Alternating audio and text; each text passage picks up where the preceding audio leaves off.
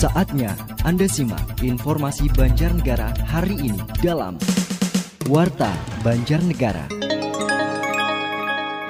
Apa kabar mitra? Inilah Radio Suara Banjarnegara kembali menghadirkan informasi aktual serta informasi penting lainnya yang terangkum dalam Warta Banjarnegara. Informasi utama kami mengenai Bank Indonesia targetkan tanam sejuta pohon kopi di Banjarnegara. Dosis vaksin terbatas membuat capaian vaksinasi di Banjarnegara masih rendah. Berita selengkapnya disampaikan oleh Arjuna Jati. Warta Banjarnegara. Sebagai upaya untuk ikut melakukan konservasi serta untuk meningkatkan perekonomian warga, Bank Indonesia Kantor Cabang Purwokerto terus melakukan penanaman sejuta kopi di Kabupaten Banjarnegara. Kepala Perwakilan Bank Indonesia Purwokerto, Samsun Hadi, saat melakukan penanaman 200 ribu tanaman kopi, Didieng mengatakan selain dapat meningkatkan perekonomian warga setempat, tanaman kopi merupakan tanaman yang dapat dijadikan untuk konservasi atau menguatkan tanah agar tidak mudah longsor. Tanaman tersebut sangat cocok ditanam di Banjarnegara mengingat 70% wilayah Banjarnegara merupakan daerah rawan longsor. Dengan penanaman kopi tersebut, diharapkan tanah menjadi tidak mudah terkikis atau longsor karena pohon kopi dapat mengikat tanah.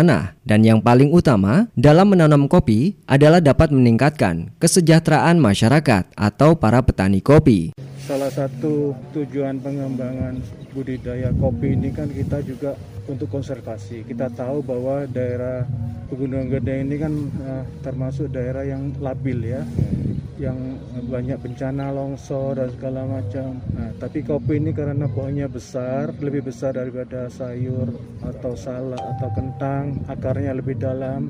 Harapan kita nah ini akan mendukung konservasi alam, meminimalisir bencana longsor yang sering sekali terjadi di, di sekitaran pegunungan dia. Gitu.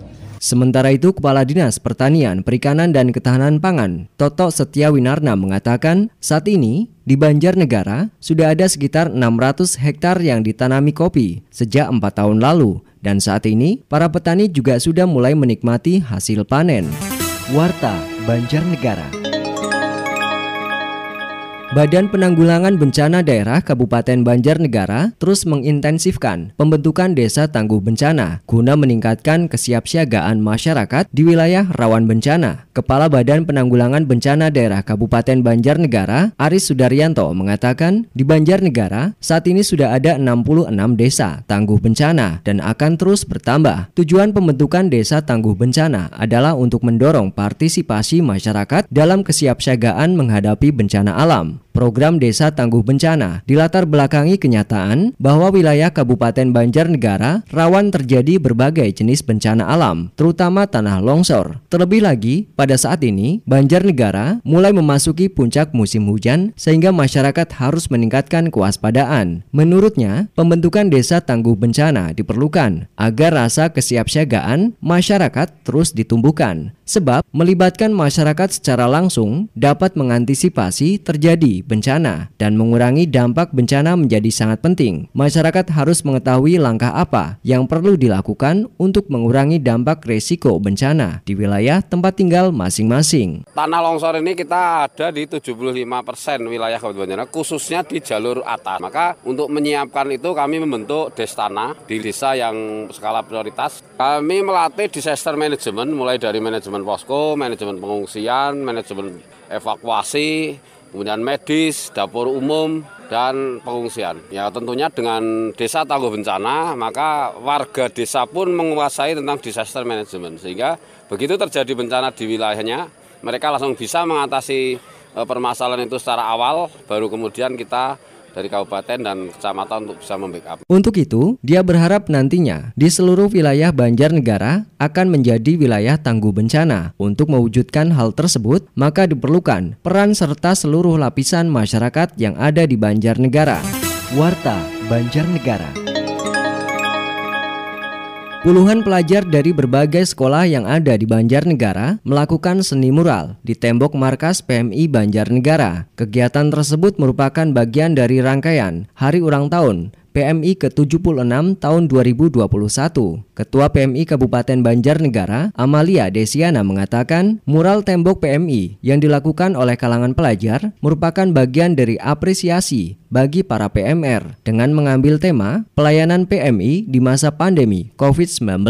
Menurutnya, selain mural, untuk anggota PMR Madya atau SMP juga dilakukan lomba poster untuk PMR tingkat pemula atau tingkat SD. Kegiatan ini merupakan bagian dari upaya sosialisasi PMI dalam melayani masyarakat. Pihaknya berharap lewat momen tersebut, proses pembinaan generasi muda terus dilakukan dengan baik, secara berkesinambungan dan bukan hanya pada saat momen tertentu. Dijelaskan, masa pandemi telah membatasi segala gerak dan ruang dalam berbagai hal. Untuk itu, pembina PMR diharapkan terus menjalin komunikasi intensif dengan korps pelatih dan PMI Kabupaten Banjarnegara agar proses dan pola serta metode pembinaan dapat terus berjalan dengan baik. Warta Banjarnegara. Dinas Kesehatan Kabupaten Banjarnegara terus melakukan upaya percepatan vaksinasi COVID-19 kepada masyarakat guna mempercepat kekebalan kelompok. Kepala Dinas Kesehatan Kabupaten Banjarnegara, Dr. Latifah Hesti mengatakan, dari total sasaran 799 ribu lebih warga Banjarnegara, jumlah warga Banjarnegara yang sudah mendapatkan vaksin tahap 1 baru sebanyak 25,71 persen, sementara yang sudah mendapatkan vaksin tahap 2 sekitar 14 persen. Menurutnya, masih rendahnya jumlah masyarakat yang mendapatkan vaksin ini disebabkan keterbatasan kuota vaksin yang diterima untuk Banjarnegara. Meskipun animo masyarakat untuk mendapatkan vaksin masih sangat tinggi, dia mengakui permintaan vaksin di sejumlah daerah masih sangat tinggi, sehingga pihaknya terus meminta stok vaksin lebih banyak. Tingginya permintaan vaksin dari masyarakat ini menunjukkan bahwa mereka sadar akan pentingnya mencegah penyebaran virus COVID-19, sebab vaksin ini menjadi bagian bagian dari upaya untuk meningkatkan kekebalan tubuh dari ancaman virus COVID-19. Vaksin di Banjarnegara cakupan untuk dosis satunya masih 25,71 persen, dosis duanya 14,15 persen, dosis ketiga untuk nakes baru 0,26 persen.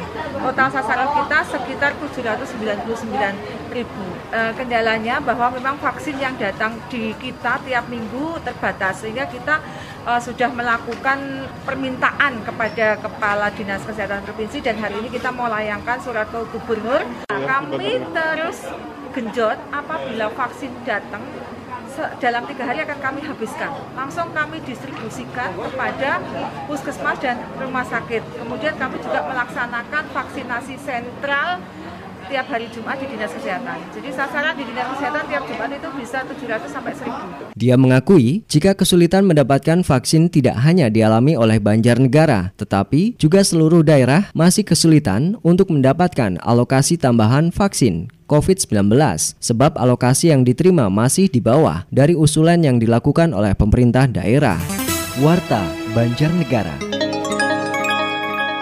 sebagai ajang pencarian bakat, Pagar Nusa Kabupaten Banjarnegara menggelar kejuaraan pencaksilat antar anak cabang Pagar Nusa yang ada di Banjarnegara. Kegiatan tersebut dilakukan di Gedung Aswaja Banjarnegara. Ketua Cabang Pagar Nusa Banjarnegara, Ahmadi mengatakan, kejuaraan pencaksilat Pagar Nusa dilakukan selain untuk mencari pesilat berprestasi, juga sebagai rangkaian peringatan Hari Santri Nasional yang jatuh pada 22 Oktober mendatang. Dalam kejuaraan ini, setidaknya diikuti oleh 122 pendekar pagar Nusa yang tersebar di sejumlah wilayah Kabupaten Banjarnegara. Menurutnya, melalui kegiatan tersebut diharapkan akan lahir atlet andal, juga pendekar dengan kemampuan mumpuni, termasuk olah fisik, olahraga, dan spiritual. Kegiatan tersebut juga mendapatkan dukungan langsung dari Panglima Santri Gayang Nusantara yang juga Wakil Gubernur Jawa Tengah Tatsyasin Maimun. Sementara itu, Ketua KONI Banjarnegara, Nurrohman Ahong mengatakan pagar Nusa merupakan bagian dari IPSI, sehingga adanya kejuaraan internal tersebut diharapkan akan menambah jam terbang atlet. Hal ini sangat positif dalam meningkatkan dan persaingan yang sehat bagi atlet yang ada di bawah naungan IPSI. Selain itu, dia juga berharap para pesilat Banjarnegara harus bangkit dan meraih prestasi, sebab Banjarnegara memiliki sejarah yang sangat kuat dalam dunia pencaksilat, termasuk adanya juara dunia pencaksilat